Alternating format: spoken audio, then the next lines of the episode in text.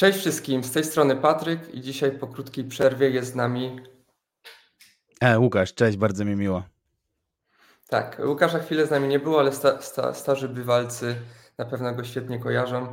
Dzisiaj mamy przyjemność poprowadzić dla Was kolejny odcinek JS News. Mamy kilka dużych, nie chcę powiedzieć nazwisk, bo to nie są osoby, ale powiedzmy gracze na scenie JavaScriptowej, na przykład Next, tak? Jarn też pewnie wszyscy kojarzą.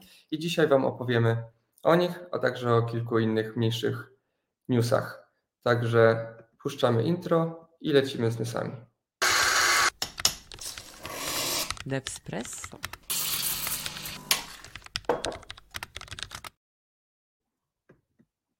Tak, i zaczniemy sobie o Nextie 14. Tutaj Łukasz przygotował newsy i Wam to przedstawi. Tak, w ogóle e, słucham Despresso ostatnio i właśnie ostatnio był e, Piotrek, ostatnio był Sebastian ze starego składu, więc pomyślałem, kurde, co ja bym mógł e, przynieść tutaj do odcinka i konferencja Nexta spadła mi na kolana bezpośrednio.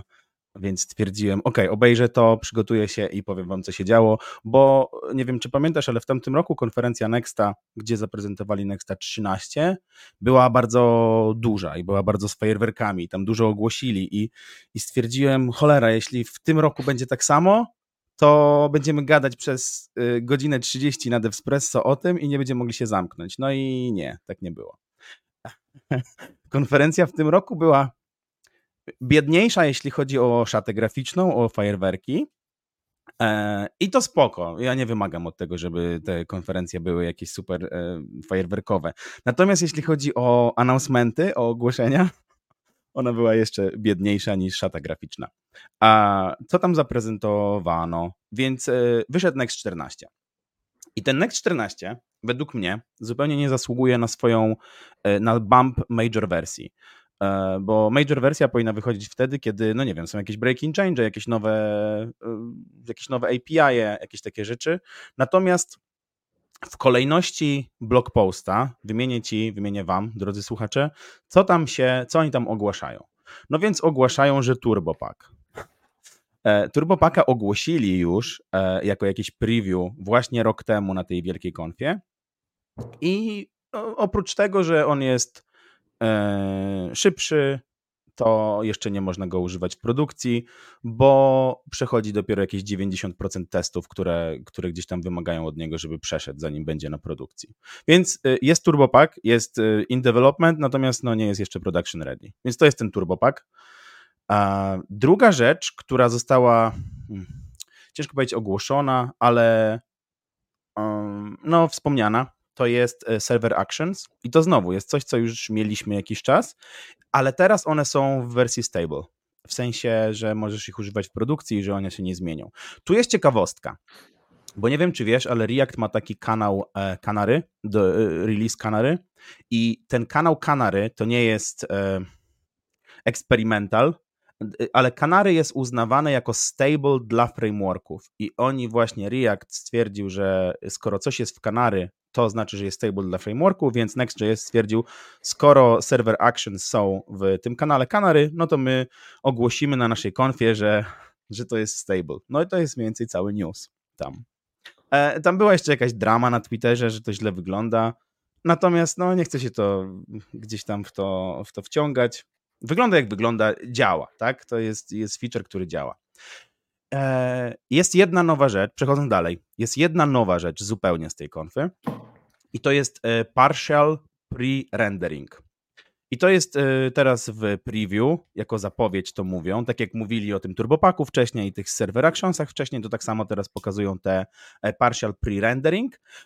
I o co tam chodzi? To działa na suspensie i jeśli używasz suspensa u siebie w kodzie i dasz fallback, to fallback tego suspensa będzie statycznie prerenderowany, więc twoja strona będzie szybsza. Jeśli y, całego, całą swoją stronę gdzieś tam e, okraszysz tymi suspensami, to fallback automatycznie, nic nie będziesz musiał robić, automatycznie będzie prerenderowany. I to obiecują, że będzie w jakiejś kolejnej minor wersji, więc możemy się spodziewać, że no w tym roku będzie, będzie już dostępne i że nie trzeba będzie zmieniać nic w swoim kodzie. I ostatnia już rzecz, która jest wspomniana w tym blogpoście, to zupełnie nie ma związku z wersją Nexta, natomiast ogłaszają, że zrobili sporo nowych kursów i jakichś tam learningów i, i jakiejś dokumentacji. Więc to mniej więcej jest podsumowanie Nexta 14. Okej, okay, a propos jakby wersji Kanary, to widziałem, że na Twitterze też tam była dyskusja pomiędzy jakby powiedzmy obozem remixowym, a obozem nextowym, że jakby wersja Kanary jest stabilna dla frameworków, ale nie jest jakby reaktowa dla wszystkich użytkowników i że Next może mhm. sobie wcześniej korzystać z tych, z tych feature'ów. I czytałem artykuł właśnie od Kenzie Dotsa, coś tam, on się nazywał Why I don't use Next.js, czy coś takiego. Tak. I jeszcze była na to odpowiedź, mm, on się nazywa... Od Lee Robinsona. Tak, mhm. więc jakby nie chcę wchodzić w szczegóły i tutaj jakby e, wybierać strony w tym, to może nie jest spór, tak, ale wymiana zdań, ale zachęcam wszystkich właśnie do zapoznania się z tymi artykułami, bo się można bardzo dużo dowiedzieć a propos właśnie remixa, Nexta, ich różnic i o, o co tam naprawdę się rozbiega e, w tej ich dyskusji. Jeszcze jest ciekawa rzecz tam, bo jeszcze między Remixem i Nextem to olbrzymie dwie firmy, które e, są tak naprawdę defaultowymi framework, frameworkami do Reacta, to tam jest jeszcze React, nie? W sensie pośrodku tej, tej całej dyskusji. E, gdzie jest ta granica między tym, co React uznaje za swoje terytorium i to, co oni dostarczają jako Y, funkcje Reacta, a gdzie jest ta granica, gdzie Next.js albo Remix biorą sobie te funkcjonalności i gdzieś tam na nich nabudowywują e, rzeczy. To jest w ogóle, tak, to jest duża dyskusja i ciekawa i chyba nie powinniśmy jej rozpoczynać tutaj. Tak, niestety mamy za mało czasu, więc przejdziemy do kolejnego newsa, jakim jest Yarn w wersji czwartej.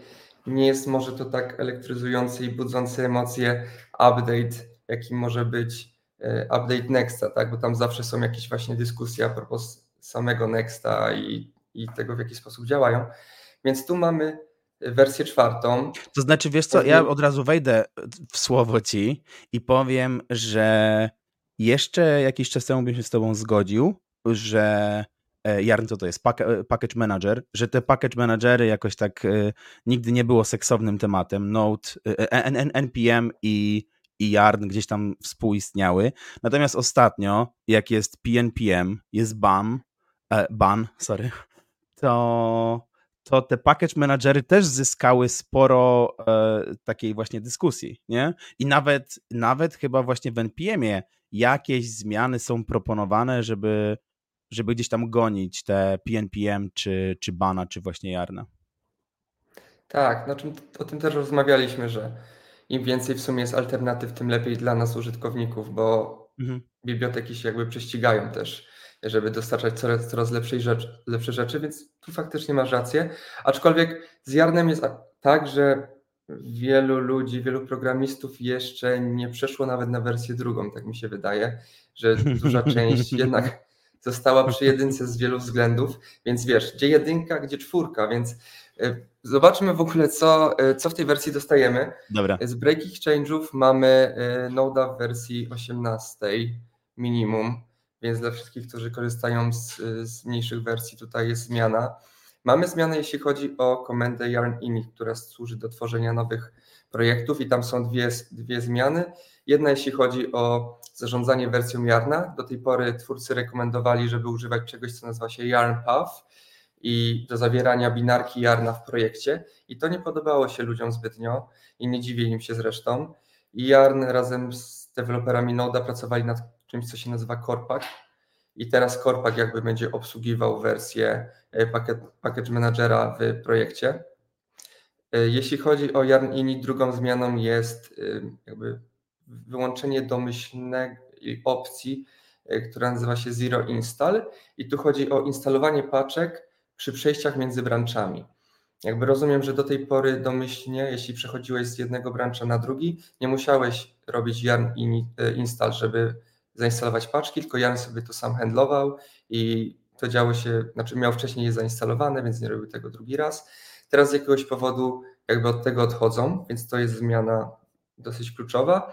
Teraz w sumie, też. Mhm. To w sumie jest dziwne. Eee muszę sprawdzić, co tam, się, co tam się działo wcześniej, co się dzieje teraz w tej czwórce, no bo jednak zmiana branży to jest y, obsługiwana przez Gita, a nie przez Jarna. Więc co Jarn ma do tego, gdzie ja się czekautuję na jakiego brancha, nie? I skąd on gdzie o tym kiedy wie, e, jak ja mu tego nie powiem. Więc e, ciekawa sprawa, co teraz mówisz. Tak, znaczy ta opcja dalej jest, ale trzeba sobie ją po prostu samemu włączyć. Mhm. E, dalej mamy pluginy, integracje, które teraz są wbudowane bezpośrednio w Jarna, więc nie trzeba ich osobno instalować, update'ować ich potem, maintainować i tak dalej, więc Jarn jakby handluje to teraz za Was. Mamy zmiany składni, jeśli chodzi o Yarn Workspaces for Each, ale tutaj zachęcam wszystkich zainteresowanych do zapoznania się już e, z dokumentacją, jakie to były dokładnie zmiany. I kolejną rzeczą e, jest coś, co nazywa się Hardened Mode i służy on do poprawienia bezpieczeństwa Waszych projektów i tutaj chodzi szczególnie o projekty open source'owe. Otóż niektórzy zdali sobie sprawę, że w bardzo łatwy sposób można e, wstrzyknąć złośliwe oprogramowanie do Waszych aplikacji poprzez zmianę log file. Jakby log file nigdy nikt nie sprawdza, bo są one z reguły, te zmiany są bardzo duże i są automatycznie jakby skracane przez GitHuba albo GitLaba albo cokolwiek tam używacie, że jak macie 5000 zmian, no to on nie wyświetla wszystkich, bo wiadomo, że wyświetlenie 5000 linijek jest trochę problematyczne, więc tam z reguły jest tam jakiś napis i można sobie je zobaczyć, jeśli chcecie, ale nikt na nie w ogóle nie patrzy, bo one są automatycznie tworzone. Tak, Więc... plus y, wyobraź sobie tego mema, nie? że e, w zależności od linijek kodu, to jeżeli jest 40 linijek kodu, to sprawdzisz dogłębnie, jak jest 500, to a, looks good to me. Tak, tak. A szczególnie jeśli chodzi o logfile, no nikt tego nie sprawdza z reguły. I, mhm. i tam właśnie niektórzy złośliwi programiści mogliby sobie podmienić na przykład um, repozytorium i skierować je do jakiegoś swojego z jakimś złośliwym oprogramowaniem. I tu Jarn wychodzi naprzeciw temu problemowi i w jakiś sposób analizuje te metadane, które są w logfile'ach, czy one się zgadzają z daną wersją biblioteki, więc e, takich problemów nie powinno być. Z tego co wiem, na GitHubie teraz to defaultowo będzie działało, jeśli projekt używa Jarna czwórki. Mm. Mhm. Z jakichś powiedzmy mniej ciekawych rzeczy przepisali JavaScript Constraints Engine i to jest ich silnik służący do tworzenia zasad w workspace'ach, że jeśli macie parę workspace'ów, to na przykład ustalacie zasadę, że żaden z nich nie może używać innej wersji tej samej paczki, tak? To tam pomaga powiedzmy w maintainowaniu tych wersji paczek i teraz wspierają także TypeScript. Mamy jakieś małe zmiany w UI. UI tutaj mam na myśli oczywiście terminal i jest to na przykład dodanie rozmiaru paczek podczas instalowania. Jest tych zmian no, troszkę... to jest miło. Mhm. Tak, więcej, więc tutaj y, można sobie jeszcze sprawdzić w doksach, ale to jest jakby najważniejsza. No, oczywiście mamy, tak jak praktycznie w każdym release, w każdej paczce ostatnio y, poprawę performance'u. Tutaj y, twórcy twierdzą, że instalacja Gatsby'ego razem z wszystkimi mm, dependencies, co zresztą waży 350 MB, poprawiła się trzykrotnie, więc jakby tutaj mamy trochę pokłosie tych zmian, y, zmian, dodania bana i jakby szybkości, wszystko szybkie i Jan też stara się być szybki, więc tutaj na pewno też zmiana na plus, przynajmniej w tych większych repozytoriach, bo wiadomo, w mniejszych to pewnie aż takiej różnicy nie ma. Mamy też nową, nowy landing page, jeśli chodzi o Jarna, więc jeśli ktoś trafi na ich stronkę, i zobaczy e, nowy interfejs, to niech się nie zdziwi, bo zmienili go całkowicie. No, to ja już I... idę tam właśnie zobaczyć. Pamiętam stronę Jarna, była taka trochę niebieska. O, teraz jest ciemniej niebieska niż wcześniej była. To widzę. Tak. Yy, tak, i to w zasadzie wszystko i myślę, że możemy przejść yy, dalej. Tak, to ja w sumie mm, mam kolejnego newsa i to jest z kolejną konfą związane. E, były ostatnio dwie konfy Reactowe. Jedna, jedna konfa to nazywała się React India, nazywa się dalej React India i jest e, dostępne są toki na YouTubie. I to było chyba pierwszy raz, jak była organizowana tak duża konfa w Indiach e, Reactowa.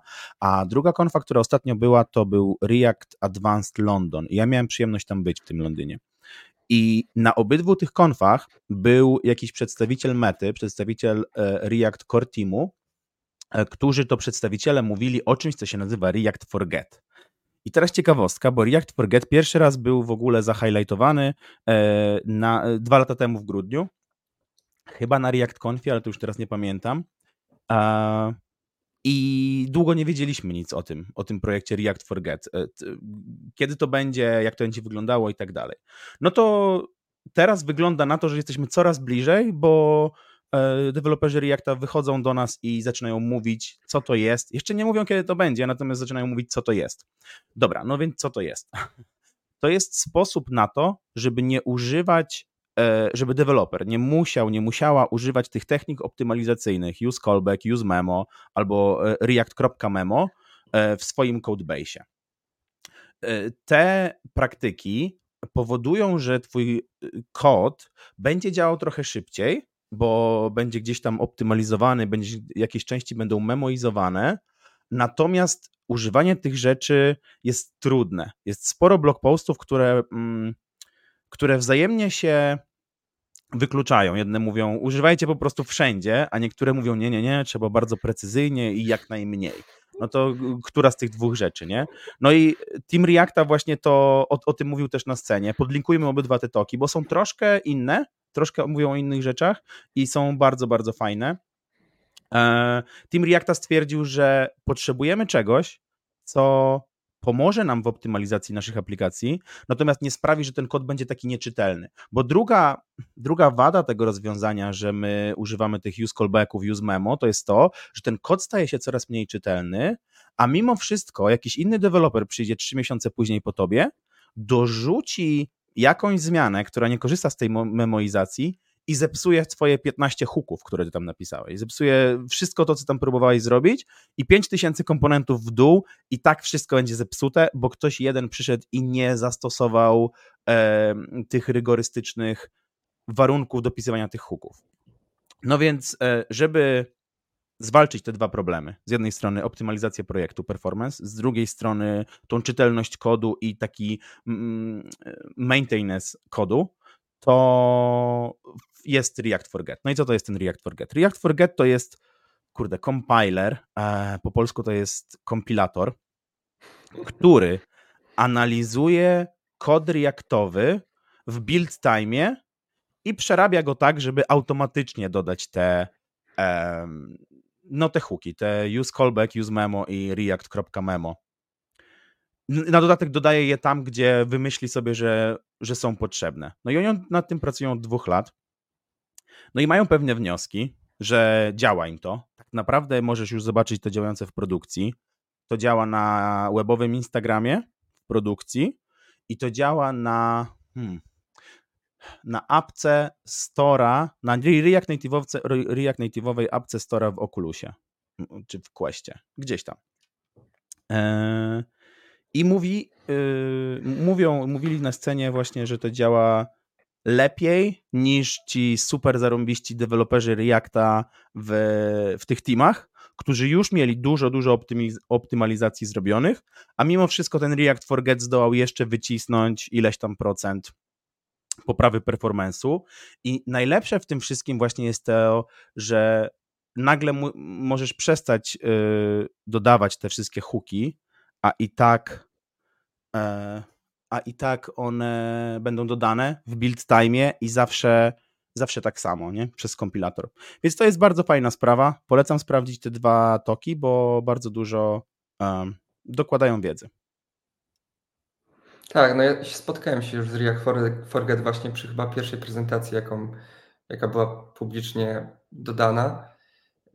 I no, jest to na pewno coś ciekawego. Nie wiem, jakby na ile to nie jest już um, taka magia, wiesz, jakby jeszcze use, use memo, use callback, mniej więcej każdy rozumie, jak działa, kiedy dodać, a tutaj jakby React bardzo dużo rzeczy będzie robił pod spodem teraz i, i powstanie powiedzmy jakiś mały problem, wiesz, kiedy jak coś działa. Tutaj myślę, że dokumentacja będzie musiała być um, dobrze zrobiona pod tym W sumie to, to jest ciekawe, co mówisz, ale jakbyś spojrzał na to z perspektywy transpilatorów, TypeScripta, Babela i tak dalej, no to już ten twój kod, który piszesz JavaScriptowy, jakoś tam jest przetwarzany na coś innego. Nie? Jak ja pisałem kiedyś w ReasonML-u, to też tam był jakiś wynikowy JavaScript, który robił jakąś magię i ja w sumie nie, nie czytałem tego JavaScriptu, po prostu pisałem w swoim języku, więc teraz będziesz pisał w Reactie i po prostu domyślną rzeczą, którą React będzie robił, to będzie ten forget, to będzie to memoizowanie domyślne. I myślę po prostu tak, tak jak mówisz, będzie trzeba to napisać dobrze w doksach, natomiast mm, tak jak z tym nextem, nie? Tak jak z tym partial, e, partial pre-rendering, to po prostu będzie zachowanie, którego oczekujesz. Okej, okay, super. Dobra, przejdźmy w takim razie do kolejnej rzeczy. I mamy Firefoxa 119. Nie wiem, ile osób śledzi na bieżąco zmiany w poszczególnych przeglądarkach, więc jeśli nie śledzicie, to teraz macie szansę dowiedzieć się, co się dzieje ostatnio w Firefoxie. Teraz mamy wersję 119. Wersja 120 jest y, teraz w becie, więc jeśli ktoś ma ochotę, może sobie dodatkowo zainstalować i zobaczyć jeszcze nowsze rzeczy, które dopiero wejdą. A teraz mamy zmiany i te zmiany możemy podzielić powiedzmy na, na, zmiany dla zwykłych użytkowników przeglądarki, a także dla nas deweloperów, więc y, szybko przejdę dla, mm, na zmiany yy, dla użytkowników. I tutaj mamy zmiany związane z Firefox View. To jest widok, który pozwala na zarządzanie mm, zakładkami, czy macie otwarte zakładki, jakie zakładki macie otwarte, na jakich urządzeniach, które ostatnio były zamknięte i tutaj ma to Wam pozwolić właśnie na najlepsze zarządzanie y, nimi. Mamy też edytowanie PDF-a, a mianowicie dodawanie, edytowanie obrazków i atrybutu alt. Mm, mamy ułatwienie przenoszenia danych z Chroma do Firefoxa i tutaj mówię o rozszerzeniach. Jeśli ktoś się zastanawiał i rozszerzenia były czymś, co go stopowało przed przejściem na Firefoxa, teraz jest to zdecydowanie ułatwione. Mamy poprawki security, ale nie będę ich przywoływał. Jeśli ktoś miał problemy z security na Firefoxie, proszę sobie sprawdzić dokumentację, bo jest szansa, że je naprawili. Dla deweloperów mamy teraz wsparcie dla metod group by, zarówno dla obiektu, jak i dla mapy. Więc tutaj, jeśli ktoś używał funkcji loadashowej, group by jest w stanie już jej nie używać z loadasha, tylko pisząc czysty JavaScript. Mamy metodę isWellFormed e, dla stringa i to nie jest, uważam, coś, co przeciętny deweloper będzie bardzo często używał, bo jest to po prostu upewnienie się, że unicode'owy string jest poprawny, więc może bardziej dla kogoś, kto pisze bardziej niskopoziomowo. Ja czuję się Mamy też... głupio, ale nie wiedziałem, że jest taka metoda na stringu isWellFormed. No bo teraz ją dodali, więc to całkiem normalne, Ale że nie widziałeś. wiesz, w sensie dodali ją w Firefoxie, więc ona chyba w JavaScriptie musiała być jakoś już wcześniej. A, no chyba, tak. że jest tylko w Firefoxie, a nie jest w, w standardzie JavaScriptu. Nie, no to w standardzie pewnie już musiała być. No, tak myślę. jakiegoś czasu. Mamy wsparcie jednostek długości dla, e, dla atrybutów e, SVG. I teraz jesteśmy w stanie, w stanie sobie używać jednostek zależnych od viewportu albo od font size'u więc myślę, że coś bardzo, bardzo spoko. Mamy też możliwość czytania i ustawienia atrybutów ARIA na elementach, które bezpośrednio się nie odwołują do innych elementów. Mm, to jest jakby związane z accessibility. Teraz musieliście po prostu używać e, get attribute albo set attribute, a znaczy do tej pory musieliście tego używać, a teraz możecie sobie po prostu bezpośrednio z JavaScripta brać te wartości.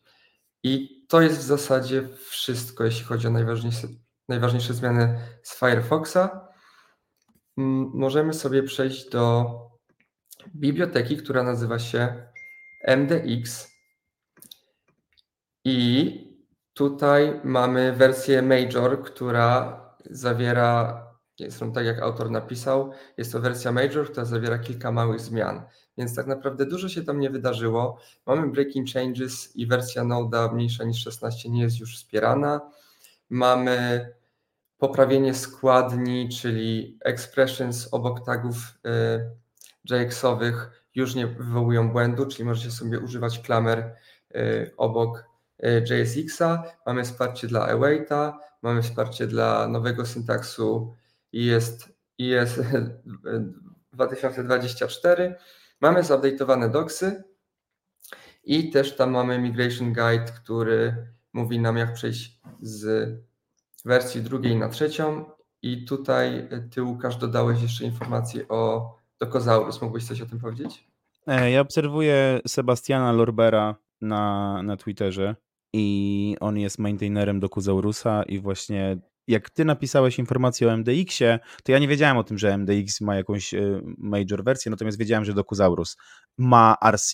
E, Dokuzaurus 3.0, RC.1 jest wypuszczone, no i właśnie chyba jest wypuszczone dlatego, że Dokuzaurus um, używa tego MDX-a bardzo mocno under the hood, więc jak jest nowa wersja MDX-a, no to spodziewam się, że ten Dokuzaurus dlatego wypuszcza nową wersję. Prawdopodobnie tam jest jakieś inne zmiany, natomiast pisałem tą notatkę w ostatniej chwili, e, zaraz przed odcinkiem, więc dokładnie nie wiem, co się zmienia w Dokuzaurusie. Natomiast wiem, że sporo ludzi e, często używa Dokuzaurusa do robienia dokumentacji. Wiesz co, myślę, że fajnie jest też powiedzieć, co to jest w ogóle MDX. E, I MDX to jest taki format pliku MD, czyli Markdown dokument, ale wzbogacony o to, że można importować jakieś komponenty JS, JSX-owe, e, Reactowe czy coś takiego, więc tak jakby pomieszanie Markdown dokumentu z, z Reactem. Ja bym to tak e, nie przygotowując się do tego podsumowania, bym tak to podsumował. Dobrze, zgadzam się. Jakby myślę, że to jest dobra definicja faktycznie mogliśmy o tym wspomnieć na początku. MDX pewnie się już gdzieś pojawiał w poprzednich odcinkach, więc mamy nadzieję, że jednak większość osób kojarzy i to nie był problem. I możemy sobie przejść do kolejnej rzeczy, jaką jest Reveal.js. I to też jest biblioteka, która była już omawiana u nas w Espresso. Mianowicie teraz powiedzmy w tym nowym so-called sezonie w odcinku 8 mówiliśmy bodajże o wersji 4.6. Jakby Reveal.js jest to biblioteka, która pozwala tworzyć prezentacje w przeglądarce i jest używana innymi przez slides.com. Jest to stronka, gdzie właśnie tworzy się różne slajdy, prezentacje, one są zagnieżdżone, yy, mają wsparcie dla właśnie Markdowna, mają wsparcie dla latexa, animacje, eksport do PDF-ów, różne wszystkie takie rzeczy. I teraz w nowej wersji dostajemy według mnie super feature, czyli scroll view. I on pozwala na prezentowanie slajdów po prostu scrollując w przeglądarce i to trochę wygląda z tymi animacjami, bo oni ma, mają tam świetne te animacje, jak mm, stronka Apple, gdzie tam wiecie, scrollujecie i są animacje, coś tam wchodzi, tekst się zmienia i tak dalej, więc efekt był bardzo fajny, jeśli chodzi o ten przykład, który akurat podali w dokumentacji. Potwierdzam, byłem na stronie Docsów, którą podlinkowałeś tu w naszych notatkach i którą pewnie podlinkujesz e, w odcinku i wygląda to zarąbiście. No, e, nie słyszałem o tej lipce wcześniej, ale, ale jest naprawdę fajnie. Tak, i tam wystarczy sobie dodać tylko tak naprawdę parametr view, URL e, view równa się scroll i będziecie mieli po prostu scrollowaną. Jakby problem polegał na tym, że przeglądanie prezentacji już po fakcie jej prezentowania, tak? Czyli jeśli ktoś Wam wysyła prezentację na studiach na przykład, czy gdzieś tam i obejrzyjcie sobie, no to mogło być troszkę jakby to nie było łatwe, szczególnie jeśli były zagnieżdżone, bo trzeba było iść w prawo, w lewo, w dół, jakby to było męczące. A teraz mamy scroll i wiadomo, tylko sobie scrollujecie, więc szczególnie dla użytkowników też e, jakby mobilnych e, telefonów to jeszcze będzie łatwiejsze, tak? Bo sobie tylko scrollujesz i oglądasz sobie prezentację, która wygląda świetnie. Mam jeszcze jakieś mniejsze zmiany, ale szczerze mówiąc nie są aż tak fajne jak to, co o czym przed chwilą powiedzieliśmy, więc myślę, że nie będziemy przedłużać i przejdziemy sobie do kolejnej rzeczy. E, kolejna rzecz to jest State of React, czyli tak, ja przyszedłem i przynoszę trzy rzeczy reactowe, jak zwykle, i to jest ostatnia rzecz, którą przynoszę, to jest State of React. I to jest e, ankieta, i zadziwiająco, ale to jest chyba pierwszy raz, jak to istnieje, ta ankieta. State of React Survey. Więc można wejść w linka, wypowiedzieć się, co myślicie o serwer komponentach, co myślicie o frameworkach i tak dalej. E, polecam dodać swoją opinię, pewnie właśnie jakoś tam końcówka grudnia, początek stycznia, nie wiem, nie sprawdzałem tego, to nie, nie cytujcie mnie, natomiast pewnie jakoś końcówka grudnia, mm, początek stycznia będą te wszystkie podsumowania z tych ankiet i wtedy zobaczymy, co, e, co community myśli o całym Reakcie. Tak, ja kojarzę State of JS chyba, albo jest dużo state'ów. E, w ogóle te ankiety okay. programistyczne, one zawsze nazywają się state of something i w tamtym roku mieliśmy pierwszy, pierwszy State of React Native zrobiony przez Software Mansion, a tu mamy pierwszy State of React i to w sumie znowu ten Sebastian Lorber, o którym mówiłem przy Dokuzaurusie, to też jest zaangażowany w ten projekt. Jest też chyba tam wymieniony właśnie Lee, Lee Robinson, mhm. o, który, o którym też wspominaliśmy w tym odcinku. Także to nie jest żaden no-name project, to jest, y, stoją za to osoby związane ze światem Reacta. Tak, pytanie też, jakie to ma potem przełożenie czy ma w ogóle przełożenie na cokolwiek, prawda? Czy to jest takie, dobra, tu zrobiliśmy ankietę, takie są wyniki, czy potem znaczy, ktoś bierze te co, wyniki i... W zależności od tego, jak bardzo reprezentatywna jest ta próba ludzi, którzy odpowiadają w tej ankiecie, to te wyniki albo y, są potem fajnym źródłem informacji, co myśli community, albo patrzysz na te wyniki i myślisz sobie, e, to wygląda dziwnie. To pewnie nie jest tak. Chyba trochę tak było właśnie z tym State of React Native, mi się wydaje, że, że on był tak trochę skrzywiony y, w pewną stronę przez jakąś po prostu małą próbę, myślę, respondentów. E, czy to wpływa na coś? Nie wiem, kim ja jestem, żeby stwierdzić, wiesz, co siedzi tam w głowach e, core teamu Reacta, nie? Na przykład. E, czy oni jakoś biorą pod uwagę te odpowiedzi. Natomiast na pewno fajnie jest zobaczyć, co community używa, co myśli o jakichś różnych e, e, funkcjonalnościach tych frameworków i, i, i tej biblioteki. Jasne. Dobrze, to możemy przejść w takim razie do ostatniego newsa, jakim jest Radix View wersji 1. I tutaj też niektórzy słuchacze kojarzą, bo już omawialiśmy tą bibliotekę w drugim odcinku. Wtedy mówiliśmy o wersji 0.1.17, więc to, był, to była taka beta tak naprawdę. I w tej wersji nie mamy niewiele więcej, e, znaczy mamy, nie mamy wiele więcej, tak? E, bo z komponentów nie dodali praktycznie nic, bo jakby wszystkie już były gotowe. Jedyne co się zmieniło, że teraz biblioteka już jest stabilna. Może dla tych, którzy nie kojarzą, jest biblioteka do komponentów, która nazywa się Radix. Ona nie jest celowana, jest super, jeśli chodzi o accessibility i możecie uży, użyć każdej biblioteki do stylowania. Tak naprawdę ona nam, Wam zapewnia całą logikę do komponentów i wiecie, że to działa dobrze. I teraz to było używane w Reakcie i miało całą rzeszę fanów i niektórzy najwierniejsi fani postanowili przenieść Radixa do Vue i teraz jesteście w stanie sobie Vue.js e, używać podobnych, jeśli chodzi o API komponentów. Tam widziałem na stronie, że działają one dobrze. To jest wersja już 1.0 stabilna, więc nie powinno być jakichś większych błędów. Więc jeśli ktoś pracuje z Vue, szuka biblioteki do nie, tworzenia jakiegoś design systemu, to może sobie teraz zobaczyć na Radix View, bo jest to myślę solidna alternatywa dla istniejących rozwiązań. I to jest wszystko, jeśli chodzi o ten odcinek. Troszkę nam się przedłużyło, Przepraszam. ale nie, nie, nie dziwię się w ogóle, bo jakby mieliśmy dzisiaj takie tematy, o których można właśnie rozmawiać w sumie godzinami. Można cały podcast nagrać o Nextie 14, chociaż wiemy, że w tej wersji nie było tego aż e, tak dużo. E, dlatego co, nie będziemy przedłużać już i powoli kończymy to. Ja Ci bardziej, bardzo Łukaszu dziękuję, że do nas wpadłeś i mam nadzieję, że będziesz się pojawiał częściej. Bardzo Dzięki zapraszamy. wielkie. Fajnie, fajnie było wrócić i fajnie było nagrać z Tobą, Patryk i, e, i Sorka, że tak przeciągnąłem e, ten odcinek do 30 stało. minut. Tak, no żaden problem. Myślę, że też wielu słuchaczy sobie włącza tam 1.2, 1.5 przyspieszenia, więc jakby i tak przez to przelecą. I co? E, dziękujemy jeszcze raz wszystkim.